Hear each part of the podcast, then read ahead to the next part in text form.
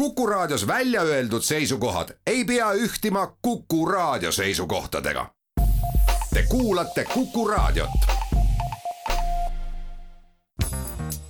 järjejutt. Reet Hiiemäe ja Mare Kõiva, Maarja Hein ja Imevesi, pärimuslikud naiste rituaalid Eestis. Postimehe kirjastuselt. järjejutt palju poleemikat on tekitanud sooline elukorraldus vanemas Eesti kultuuris ja sellega seotud võimu küsimus. järeldusi on tehtud nii viimaste sajandite kui ka eelkristliku aja kohta. uurijad on esitanud argumente, millega on püütud tõestada nii äärmiselt patriarhaalset ühiskonnakorda kui ka naiste eelisseisundit võimu- ja pärimisstruktuuris näiteks arheoloog Marika Mägi on laiemalt Läänemere-Soome kontekstis viikingiaja hauapanuseid uurides oletanud sugude suhtelist võrdväärsust. muuhulgas on Eestist leitud kaheteistkümnendasse sajandisse dateeritud matusekohti, milles inimeste luud on tahtlikult segatud. sellest saab järeldada, et selliselt maetute, tõenäoliselt tollase eliidi puhul väärtustati enam kollektiivset kuuluvust kui indiviidi staatust või sugu. mõnedki uurijad on eeldanud, et eelkristlikus Eestis lähtuti üldse emajärgsest päriluskorrast. ristiusustamisega kaasnes ametliku religioosse võimu koondumine meessoost vaimulike kätte ent seoses katoliku kiriku Neitsi Maarja kultuse elementide lõimumisega olemasolevasse usundilisse pärimusse võib siiski keskaegse ja hilisema Eesti kontekstis rääkida spirituaalse võimukandmise tunnetamisest ka naisliinis.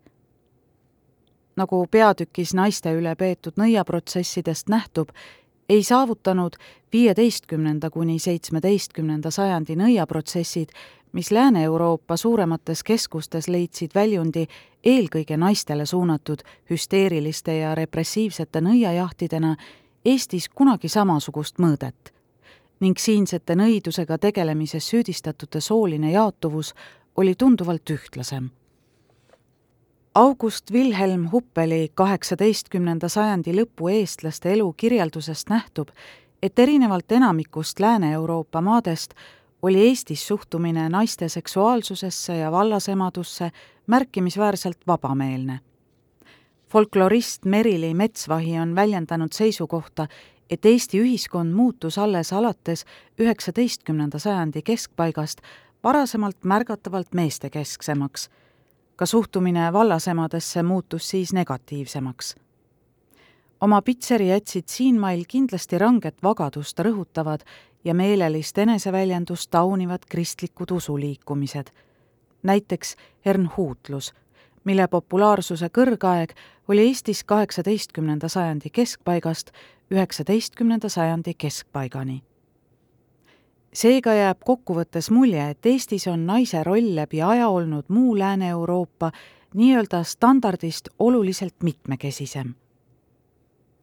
valdavalt üheksateistkümnendal sajandil ja kahekümnenda sajandi esimesel poolel üles kirjutatud pärimustekstides mis moodustavad põhiosa säilinud folkloorsest materjalist, kirjeldatakse valdkondi, milles initsiatiiv ja vähemalt osalt ka otsustusõigus kuulusid pigem mehele.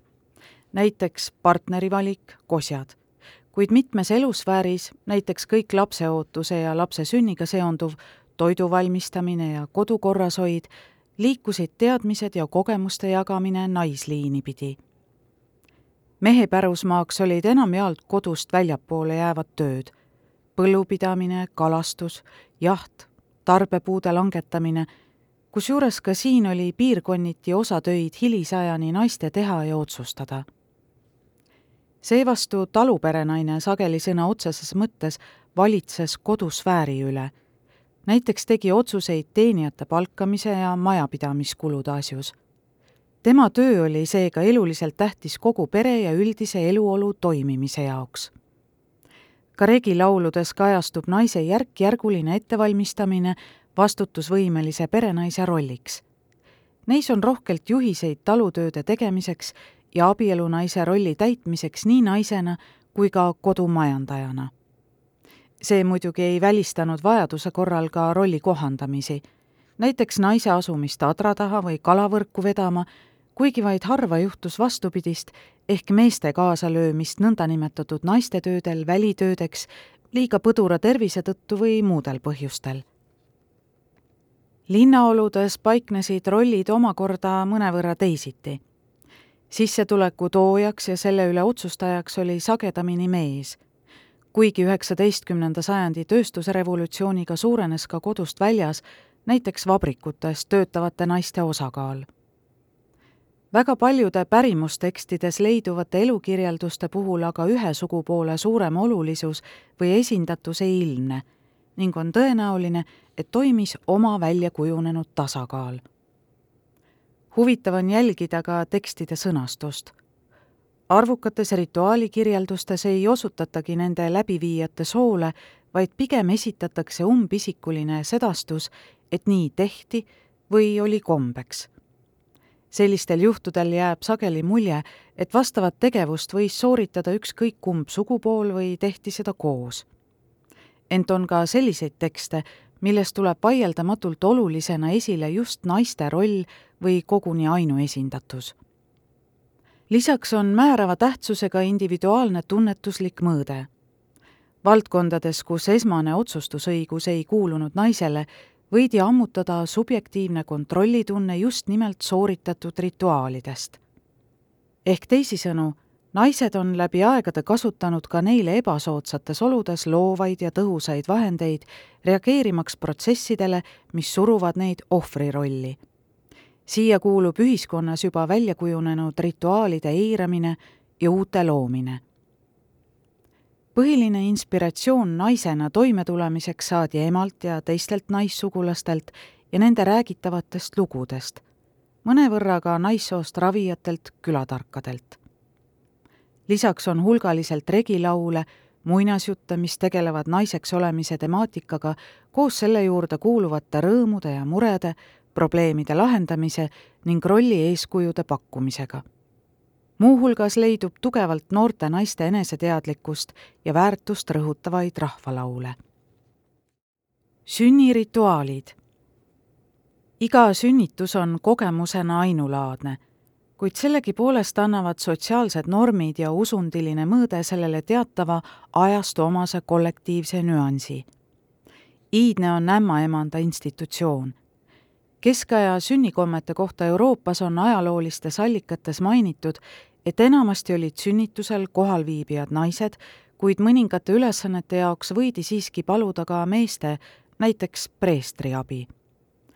Sageli märgitakse ka Eesti üheksateistkümnenda sajandi ja kahekümnenda sajandi esimese poole pärimusteadetes, et sünnituse juurde kutsuti külast mõni vanem ja teadjam naine, kes oskas sünnitajat toetada, jagada õpetussõnu ja vahel ka maagilisi suuniseid, et protsess võimalikult valutult ja sujuvalt kulgeks.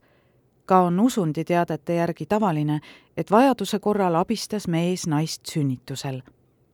Ent on ka kirjeldusi, mille järgi sünnitus toimus salaja ja selle juures teisi kohalviibijaid ei olnud.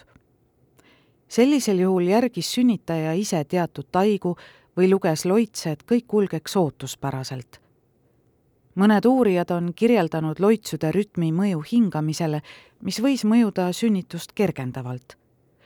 kui mujal Euroopas on sünnitusloitsudes nimetatavateks tegelasteks naispühakud ja eelkõige naissoost piiblitegelased, siis Eesti loitsudes figureerivad peamiselt neitsi Maarja ja Jeesus näiteks ühes Tartu õuekohtu arhiivi tuhande kuuesaja kuuekümne seitsmendast aastast pärit protokollis on ära toodud nurganaise sünnisõnad. puhtas neitsit Maarja, peeste jumal sist nurkest naine, peeste sist hedest, sist surmast, hingehenglit, jummal isa peuh avita sist nurkast ent mõnikord polegi isik või olend, kelle poole pöördutakse, selgelt määratletud, nagu järgmises vahetult enne sünnitust loetavas loitsus. tee teed ja raiu rauda, peasta peakene ja haruta hingekene, tule välja kiigutaja, silmalau liigutaja. Sünnituse ajal ja järel toimuva käitumiskoodeksi eesmärk oli tagada lisaks kergele sünnitusele lapse ja ema tervis ühes Eesti pärimustekstis on otsesõnu mainitud, et spetsiaalsed rituaalid olid vajalikud seetõttu, et emale sündimise järel ega sünnitamise ajal surm kõige ligemale olla.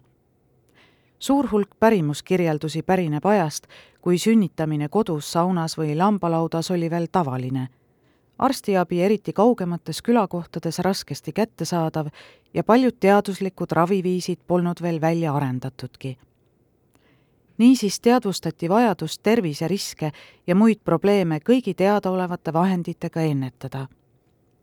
psühholoogilises plaanis on paljude sünnitustega seotud rituaalide eesmärk stressi maandamine, positiivse hoiaku säilitamine ja selle kaudu ka füüsilise jõu säästmine. Korduvalt mainitakse üleskirjutustes teatud kaitsemaagilisi universaale näiteks usuti, et lõikeriistade lähedal hoidmine kergendab sünnitust. lähtuti analoogiast, et laps väljub siis sünniteedest kergelt, samuti omistati metallile kaitset ja tugevust andvat mõju. sünnitusprotsessi võis lisaks saata ristimärkide tegemine ja issa meie lugemine huvitavad on psühholoogilisi ja religioosseid seletusi kombineerivad lähenemised on tekste, mille järgi rasket sünnitust kergendas see, kui sünnitaja lahendas eelnevalt peresisesed konfliktid. näiteks palus lähedastelt varasema ülekohtu eest andeks. samuti on mõnelgi korral märgitud, et sünnitaja või ämmaemand ei tohtinud sünnitamise ajal vanduda, kuna siis käiks välja öeldud kuri lapsega kaasas, väljendudes muuhulgas tema rohkes nutmises ja rahutuses. tõenäoliselt pandi tähele, et lapse ema aga ka teiste lähedaste agressiivne või närviline käitumine jätab jälje ka lapsele. enesesisenduslikku nüanssi sisaldavad sünnitusvalu mujale ülekandmise püüded või sümboolselt teise inimese jõust osasaamine näiteks vähendas mitme pärimusteksti järgi naise sünnitusvalu sünnituse ajal lapse isa särgi kandmine. Hoidu kurjast sõnast. Juudas on kurivaim, kes hea vaimuga võitleb lapse sündimise juures mõlemad. hea ja kuri vaim valvamas, missuguse sõna lapse vastuvõtja ämmamoor esimesena lausub. ütleb ämmamoor kurja sõna, siis saab laps Juudale. on Juudas niiviisi lapse omandanud, siis vahetab ta öösel selle sündinud lapse oma lapse vasta ümber. Juuda lapsel suur suu, harvad juuksed, nägu must, ta karjub palju juuda eemale peletamiseks peab ämmamoor lapsele risti tooma ja issa meiet lugema. kui need kombed täidetud, on laps nagu ristitud. Lõuna-Eesti tuhat üheksasada kakskümmend üheksa. raske sünnituse abi. raske sünnituse puhul aitasid järgmised sõnad. kuu kostku, agu aidaku, päev päästku. Virumaa tuhat üheksasada kuuskümmend kolm Maari eme kutse. tuhunaisele loetas kui kinni, sünnituse jalga. tule maha, Maari eme, tule maha taevaesta, tule uksest, astu aknast, tule pikest pistamesest. lõika valud, lõika vaevad, lõika need lõngad punased. kui väga verd jookseb, siis lisati. Seo valud, seo vaevad, seo need lõngad punased isi omal ja oma lapsel ei saa sõnadega arstida. Viljandi tuhat üheksasada kolmkümmend üks. kogu maailma kultuurides on traditsiooniliselt tavaks, et pereliikmed pakuvad sünnitanud emale praktilist, sotsiaalset ja hingeabi ning naine järgib kindla perioodi vältel, tavaliselt kolme kuni kuue nädala jooksul, teatud toitumis-, seksuaalelu ja hügieenireegleid on kirjeldusi piirkondlike usunditega seotud mütoloogiliselt põhjendatud haigusseisundite kohta, mis võivad kujuneda naisel, kelle eest nõuete kohaselt ei hoolitseta. näiteks Kambodža folklooris on tuntud seisund nimetusega kurb süda, millele peetakse tunnuslikuks noore ema rusutust, ärrituvust ja nii-öelda hullumeelset käitumist kirjeldatud tunnused sarnanevad tänapäeva teadusmeditsiinis sünnitusjärgse depressioonina tuntud diagnoosiga. Balti-Saksa õpetaja ja folkloorihuviline Jean-Baptiste Holzmeier kirjeldab oma eestlaste kombekirjeldustes lisaks muudele taigadele üksikasjalikult toite ja jooke, mida äsja sünnitanud emale turgutuseks pakuti. nurgavoodis olijal peab kõik vabaks lastud olema. sukapaelad, varrukanööbid, prossid ja nii edasi. sellega edendatakse sünnitust sel ajal, kui nüüd pärast sünnitust ema end kolme või nelja räime ja kannutäie sooja õllega turgutab, millesse on hapuleiba sisse pudistatud, vannitavad naised last. viivad seejärel vannitamisvee õue ja kui lapse on poiss, tõstavad selle kõrgele, aga kui laps on tüdruk, siis viskavad nad selle laiali, et poiss tõeliselt suureks ja tugevaks saaks ning tüdruk tõeliselt palju kosilasi leiaks piimateket soodustava vahendina saab ema viina sees veidi röstitud köömneid. isikliku jõu taastamiseks ja hoidmiseks loodeti tuge ka kaitseolenditelt. näiteks on paaris Lõuna-Eesti tekstis mainitud laepealse kuiva liiva ehk viruse liiva kasutamist päramiste matmiseks ning selle juurde võis kuuluda ämmaemanda või sünnitanu palve. viruskundra, anna tervist lapsele ja emale või viruskundrak kõne hoia häu hävinguist, avida alati ausa olla ja ella ja terveyses ige pikenda. maagiline mõõde on täheldatav ka vastsündinu esimese pesemise reglemendis, näiteks rõhutatakse, et esimesse pesuvette tuli panna soola ja hõbedakaabet. lisaks maagilisele funktsioonile on neil ainetel mõningane desinfitseeriv mõju kui sündis tütar, pandi täiendavat rõhku sellele, et tagada maagiliselt soodsad eeldused juba ka tema tulevaseks paarisuhteks. kuna kooselu toimimisest sõltus nii tulevase naise enda heaolu kui ka kogu majapidamise jätkusuutlikkus, püüti hakata looma soodsat pinnast hea partneri leidmiseks kohe pärast sündi. näiteks visati tütre pesu- või ristimisvesi roosipõõsasse või katusele, et tüdrukust kasvaks ilus ja kaugele tuntud neiu ilu ja kosilaste rohkuse pidi tingima ka vastsündinud tütre tõmbamine läbi mehe püksisääre, mähkimine mehe särgi sisse või kirjusse pearätikusse. Niisuguseid soodsa tuleviku saavutamise viise peeti sotsiaalselt aktsepteerituks, need olid üldteada ja nende väliselt nähtavad osad, näiteks kirju rätika aia peal, olidki ühtlasi kogukonnale sõnumiks tütre sünnist perre andeks palumine kergendab sünnitust. kui laps ei tahtnud ilmale sündida, siis käisivad kõik pererahvas nurganaese juures, kellede käest ta siis kõik endised süüd ja pahandused andeks palus. see sündis sellepärast, et endised pahandused ja eksitused arvati süüdlased olevat, mille pärast lapse ilmale sündimist viivitati. Noarootsi tuhat kaheksasada kaheksakümmend kaheksa sünnitamine käis salaja. sünnituse kestvus vaevalt poolt tundi. keegi vanaeit rääkis. Kui alles noor olin, viibisin juhuslikult laudalakas ja askeldasin samal ajal, kui ema lüpsis laudas lehmi. kui ema vaevalt oli lüpsmise lõpetanud, kuulsin väikeste laste krääksumist. ruttasin kohe läbi heinte allalaskmise augu piiluma, nägin, et ema põlvitas õlgedel. lüpsik oli paremal pool ise kohendas põllepaelu ja asetas kaks väikest poissi rüppe, hoides vasaku käega põlle, siis võttis lüpsiku ja läks toa juurde, nagu poleks midagi juhtunud.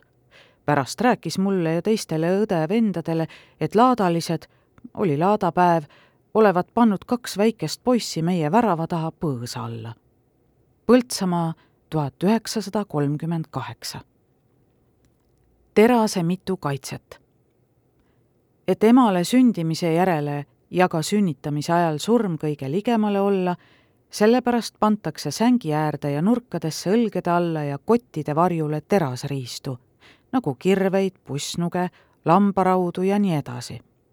kuid arvatakse ka, et need riistad sellepärast nõrga ema juurest juudast ära eemale tõrjuda, kes ristimata lapsekest ümber vahetada katsuda.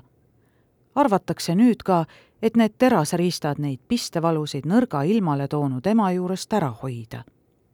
Põlva tuhat üheksasada kakskümmend. vastsündinu valvamine. kui maja uue isiku võrra rikastus, siis niikaua, kui uustulnuk ristimata oli, põles öiti tuli. lapsele pandi piibel ristikesega hälli ja käänispea nuga hälli äärde. kõik elanikud ei tohtinud kunagi toast lahkuda. kui nii poleks toimitud, nagu eelpool kirjeldatud, siis oleks vanakuri lapse ära viinud. Nõo tuhat üheksasada kolmkümmend üheksa. tüdruk mehe särgi sisse sündinud tütarlaps mässiti meesterahva särgi sisse, siis pidi saama noorelt mehele. minu ema Ellu ütles, et kui teised minu tütred ei saa mehele, siis tütar Mai saab ikka mehele, sest temal oli tark ämmamoor, ämmaemand. mis see ämmamoor täpsemalt Maiega tegi, seda ema pole jutustanud, aga Mai sai mehele küll. märkus. kokku oli üldse viis tütart, kes kõik said mehele peale noorima Pauliine. Haljala tuhat üheksasada nelikümmend. vastsündinu vihtlemine.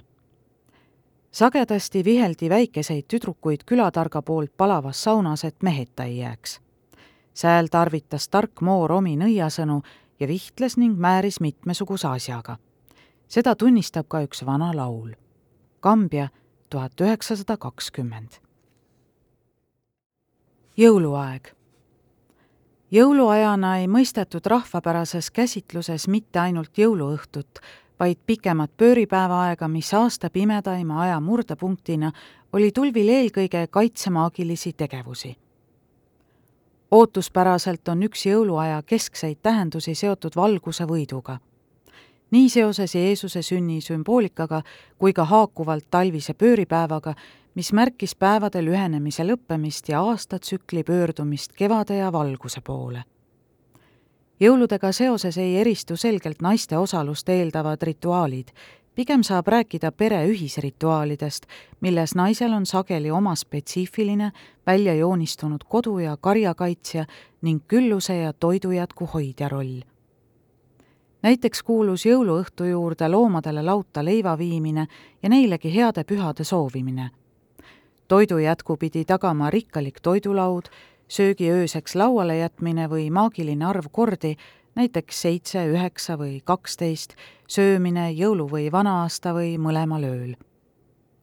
kogu jõuluaja kehtis töökeeld, kuid suuresti naiste õlgadel oli rikkaliku jõululaua eest hoolitsemine ning rituaalse jõululeiva ja muude küpsetiste, sealhulgas nõndanimetatud jõuluorikas ja teised loomakujulised leivad, tegemine jõululeiba hoiti kogu pühade aja laual ning säilitati vähemalt osa sellest hiljem kuni karja väljalaskmiseni ning anti siis maagilise kaitse eesmärgil loomadele. olgugi, et suurem ennustamise rituaalide hulk koondus vana-aasta õhtule, jagus ka jõuluõhtule abiellumise ja üldisemalt tulevikuga seotud ennustusi. maja vaim ahjus. ahi võeti jõuluajal rahvausu järele erilise hoole alla ahjus pidi asuma majavaim. jõululaupäeva hommikul vara pidi perenaine isiklikult ahju kütma, et õnnetusi majast eemale peletada. jõuluõhtul kasutati ahju toitude küpsetamiseks. Pärast söömist pandi toidud ahju tagasi. kui ei olnud mingisugust toitu ahju panna, siis visati ahju vähemalt puid.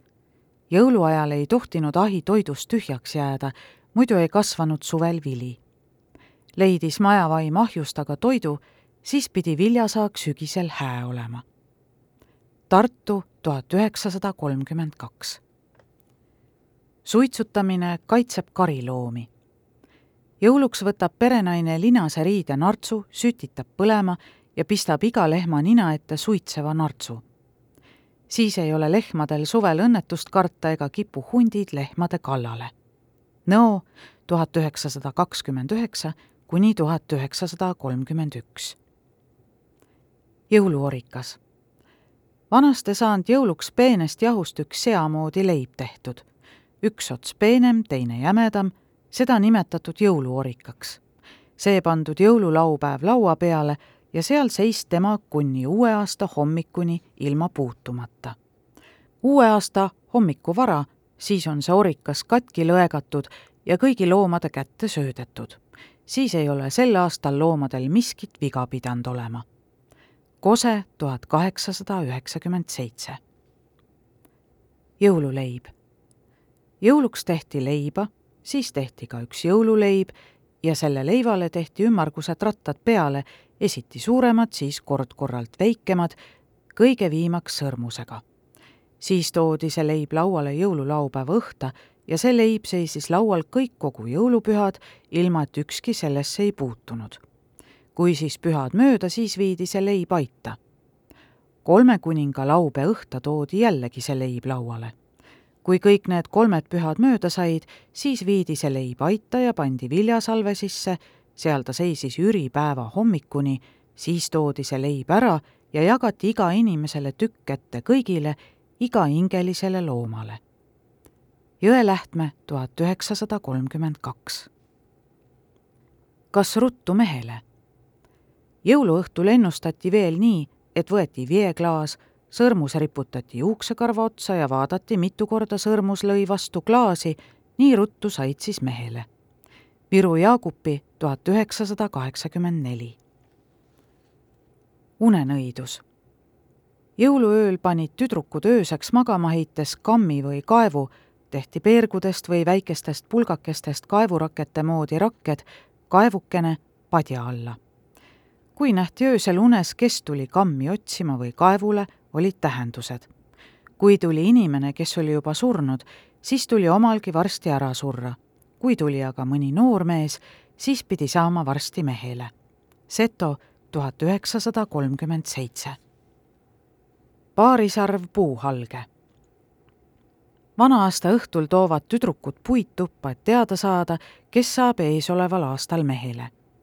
See tüdruk, kelle sületäies on paarisarv puuhalge, saab mehele kelle sületäies aga on paaritu arv puuhalge, peab kosilast järgmise aastani ootama, mil ta võib uuesti õnne katsuda. puid ei tohi sülesse võtmisel lugeda. Räpina tuhat üheksasada kolmkümmend üks. naissoost teadjad ja ravijad veel üheksateistkümnenda sajandi ja kahekümnenda sajandi esimese poole pärimustekstide põhjal nähtub, et lokaalselt või laiemalt tuntud ravija ja teadjakuulsusega isikute võrgustik kattis kogu maa ning sageli kajastatakse pärimustekstides just naissoost rahvatarkade ja selgeltnägijate tegevust. paljudes kirjeldustes tuleb esile, et spetsialiseeruti tuleviku nägemisele, teatud haigustele, ämmaemandana tegutsemisele või vallati mingit konkreetset tüüpi nõiasõnu, näiteks ussisõnad, roosisõnad, tulesõnad arhiivi andmestikus kirjeldatakse muuhulgas haruldaselt häid loitsutundjaid. näiteks imearstina tuntud Anna Kuusiku loitsuvihik sisaldas üle kahe ja poole saja loitsu. samas on teadjanaiste vihikutel erijooni.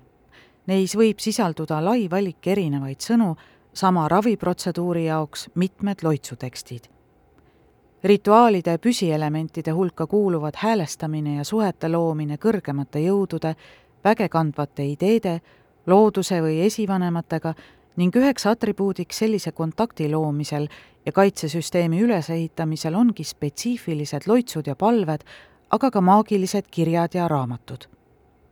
osa loitsudest olid ravijate seas laialt teatud ja nendega haakusid lisaks mitmesugused praktikad.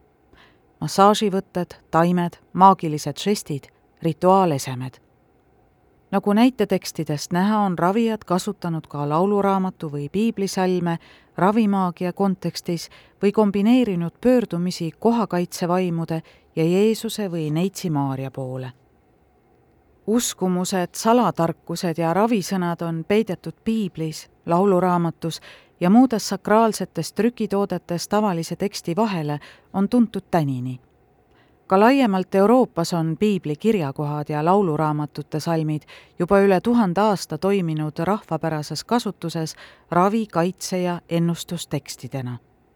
ent nagu nähtub allolevatest allikaella näitetekstidest, on kaitsmisel ja ravimisel kasutatud ka piiblit kui püha tarkust kandvat füüsilist objekti kaitsefunktsiooniga loitsude traditsioon ulatub vanemate Hiina, Egiptuse ja muude kultuurideni eriliste raamatute traditsioon ulatub kaugele. näiteks võib Ungari Kolotša katedraali raamatukogus tänaseni näha kõrgel poodiumil avatud hiigelraamatut, mis on trellidega eraldatud tuhandetest keskaegsetest haruldustest. sellisena kujutas tarkuseraamatud ka Eesti pärimus. Siinsete rahvapäraste uskumuste kohaselt oli seitsmes Moosese raamat aheldatud Toomemäel Tartu Ülikooli raamatukogu seina või põranda külge ja oli kasutamise vältimiseks lukku keeratud. aheldatud võimsa raamatu motiiv on levinud ka mõningate vanade Euroopa ülikoolide ja raamatukogude kohta samuti liikus rahva seas käsikirjaliste ümberkirjutustena levivaid nõiaraamatuid, mida võidi pärandada suguvõsa naisliinis või isegi raha või tarbekraami eest edasi müüa. nagu nähtub allpool toodud kirjeldustest Nogomari ja Mokra-Anne kohta, ei olnud välistatud, et sama nõiaraamat leidis kasutust ühtviisi nii ravimisel kui ka kahju tegemisel nimeliselt ja põhjalikumalt kirjeldavad pärimustekstid siiski valdavalt positiivse kuvandiga ravijaid ja selgeltnägijaid. naiste roll tõuseb eriti esile mitmesuguste käsikirjaliste kaitsekirjade puhul. kaheksateistkümnenda sajandi lõpul ja üheksateistkümnenda sajandi alguses hakkasid levima käsikirjalised taevakirjad, mille eelkäijad vanemates kirjakultuurides ulatuvad kolmandasse sajandisse taevakirjad on vennaste koguduse liikumise kaudu saabunud kirjasõna. Need on pseudograafia, mis muutus eestlaste seas üheksateistkümnendal sajandil nii populaarseks, et nende levikut püüti ametlikul tasandil takistada. niinimetatud taevast langenud käsikiri sisaldas lisaks keskajast peale populaarsele Neitsi Maarja unenäole halbade päevade loetelu ja usulisi ettekirjutisi, kuid tähtsal kohal olid kaitsevormelid relvahaavade vastu ning tulekahju ja verejooksu peatavad, aga ka sünnitamist kergendavad vormelid. samuti leiab sõnu roosi ja teiste haiguste ravimiseks ja kaitsesõnu metsloomade vastu. tihti kirjutati käsikirjast välja üksnes lakoonilised kaitsevormelid, mida oli lihtsam kaasas kanda, aga sai ka teistega jagada soovija kaitsekirjade adressaat võis olla kaitsehaldjas nagu näiteks metsaisa, metsaema, tuuleisa, tuuleema, veeisa või veeema, samuti konkreetsed linnud, loomad, inimesed, teadjad, neitsi Maarja, Püha Anna, Püha Jüri, prohvet Eelias, Novgorodi kaheteistkümnenda sajandi peapiiskop Püha Johannes ja teised pühakud. konkreetseid soove jäeti sakraalehitistesse, pandi puukoore vahele, läkitati veega minema, maeti maa sisse või põletati ära üks allpool toodud näitetekst kirjeldab köstriemandat, kes levitas ümbruskonna inimeste seas kindla tasu eest kristlikke elemente sisaldava loitsuga ravipaberit. seega võisid rahvapärase maagiatraditsiooni levitajad olla vahel ka kristliku taustaga naised. järjejutt. Reet Hiiemäe ja Mare Kõiva Maarja Hein ja Imevesi pärimuslikud naiste rituaalid Eestis Postimehe kirjastuselt. järjejutt